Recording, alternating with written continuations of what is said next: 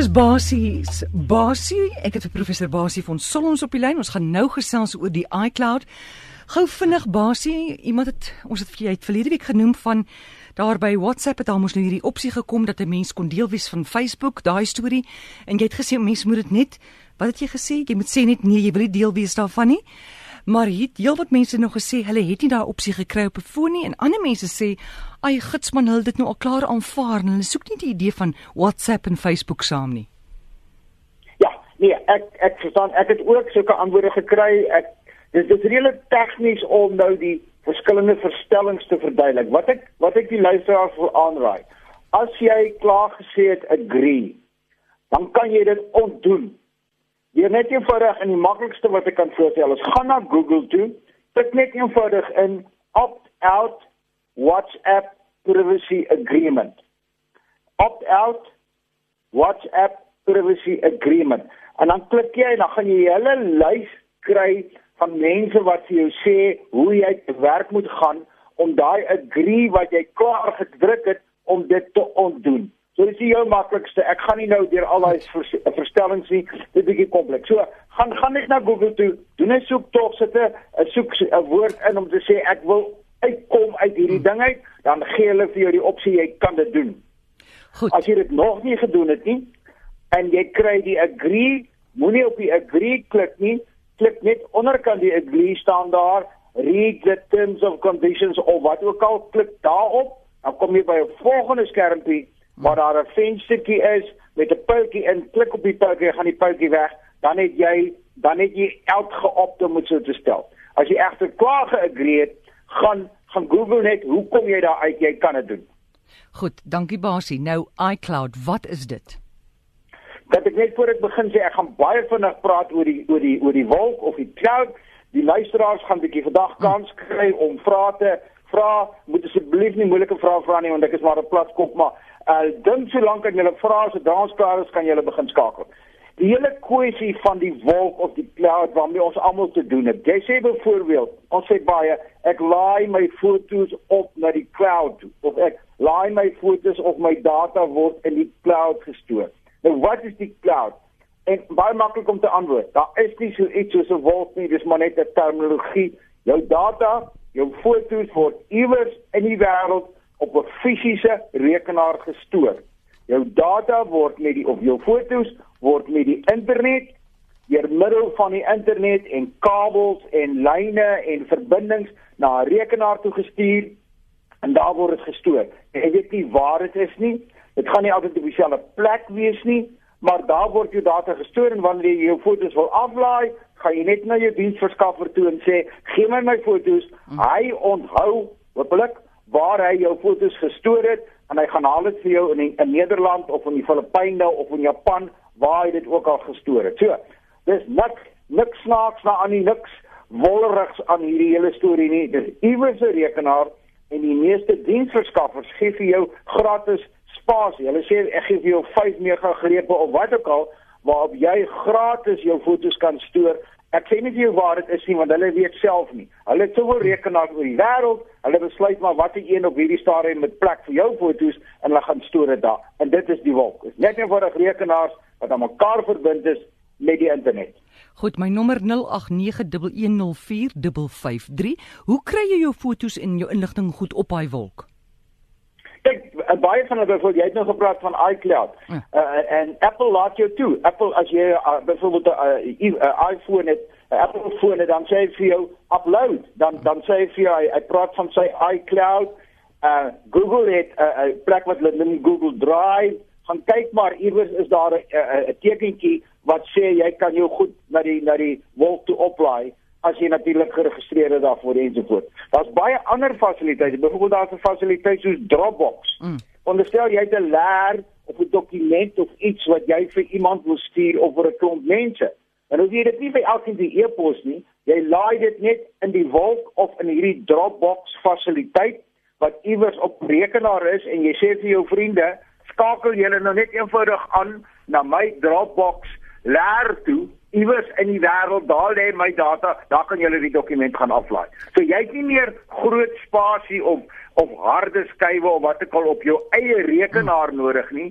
Die maatskappye verskaf nou vir jou stoorplek vir jou data en jou foto's en jou groot lers. Baie maatskappye gebruik dit om groot dokumente in te stoor want hulle hoef nie meer geld te spandeer om self harde skywe en groot rekenaars uh skyspasie ja. te gaan koop nie. Charlotte, goeiemôre. Hallo. Goeiemôre. Ja, praat maar met Basie. Hallo Basie. Ja, ek is hier. OK, ek gaan nou van vir my vraag wat ek nou nie my naam genoem het nie. Ehm um, ek was baie lank in die, in die, die IT bedryf betrokke gewees. Ek doen nou so 6 jaar is heeltemal anders. Ek het al moeg geraak. Ek wil net weet met betrekking tot uh uh um privacy op byvoorbeeld wat jy op jou cloud stoor. Ek weet so ek uh by die maatskappy en dit is baie groot nasionale maatskappy wat ek gewerk het. Was daar sekere goed indien jy so iets sou vind op 'n persoon se rekenaar dat jy dit moes rapporteer. Nou ek dink dat byvoorbeeld aan as jy vat nou ISIS se ouens en manne wat bomme ontwerp en ag ouens wat on, on, onwettige goed op hulle stelsels het of in 'n lers het, kan daai ouens van van van van iCloud of uh, Google Drive of whatever Hulle moet tog sekerlik toegang hê tot jou goed om dan nou die die nodige um, authorities te laat weet daarvan, is dit nie so nie?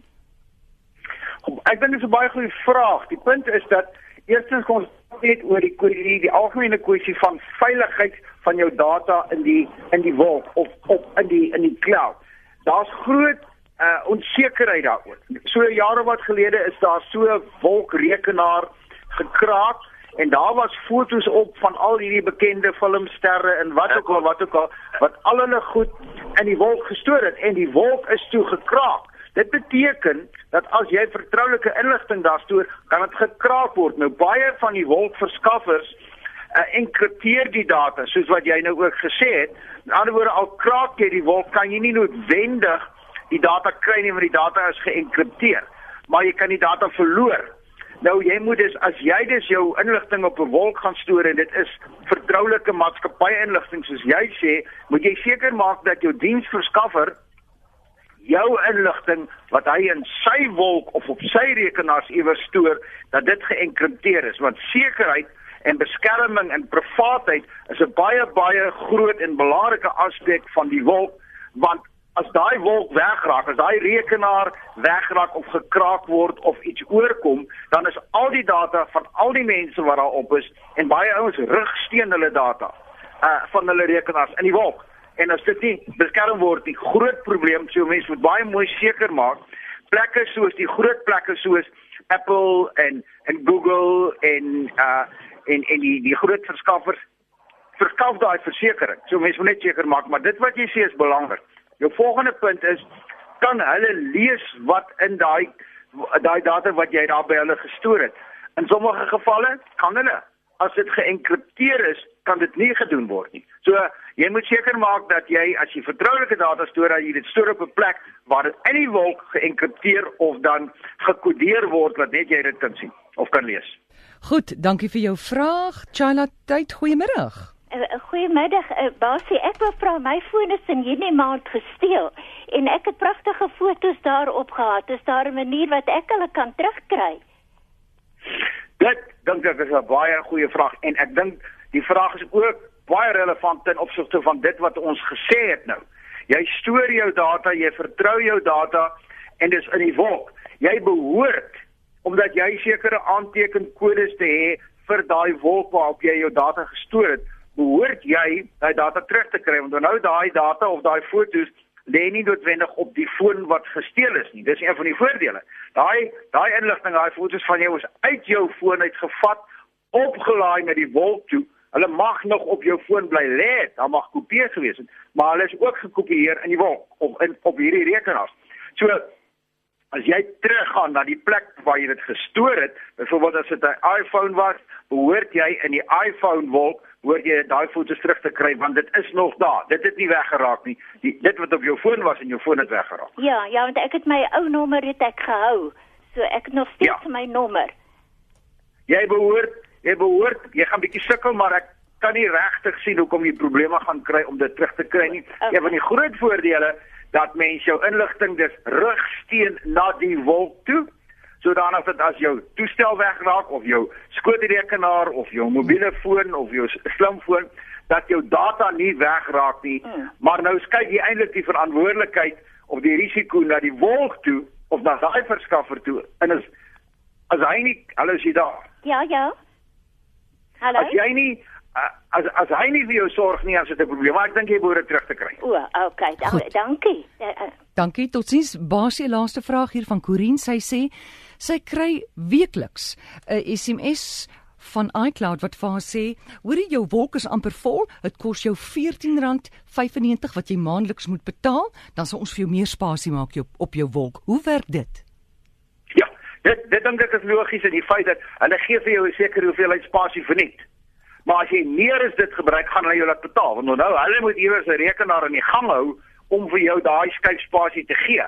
So hulle probeer jou inlok dat jy nou nie massas en massas hulle hele rekenaar oorneem en dan gaan jy betaal. Hmm. Dit dink ek is 'n normale rekening, 'n normale reëling dat as jy jou kwota oorskry, dan gaan hulle jou laat betaal daarvoor, maar dit is eintlik 'n klein bedrag as jy dink dat andersins moet jy 'n harde skyf hê of 'n rigsteen skyf vir jou eie rekenaar om dit op te doen. Maar ek dink dit is definitief nie snaaks nie, dis maar net dat hulle probeer jou kry en hulle gee vir jou 'n sekere hoeveelheid verniet en dan moet jy betaal. Goed. Basie, baie dankie. Kan ek net dit sê?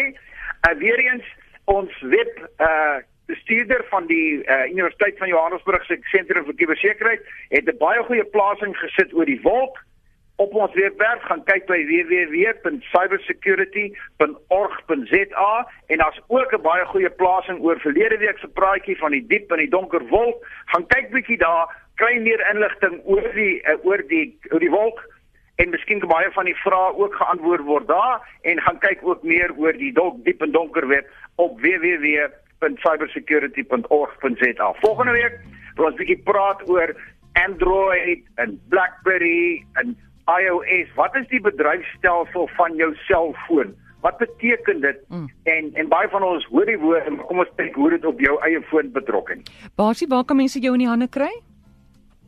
RSG Basie by gmail.com. Stuur julle vrae en stuur dit ook vir Amorey. Uh sy sal dit antwoord of sy sal dit vir my stuur en volgende week gaan ons weer vinnig praat en meer tyd gee vir vrae. Dis professor Basie van Solms en my e-pos is amorey@rc.co.za.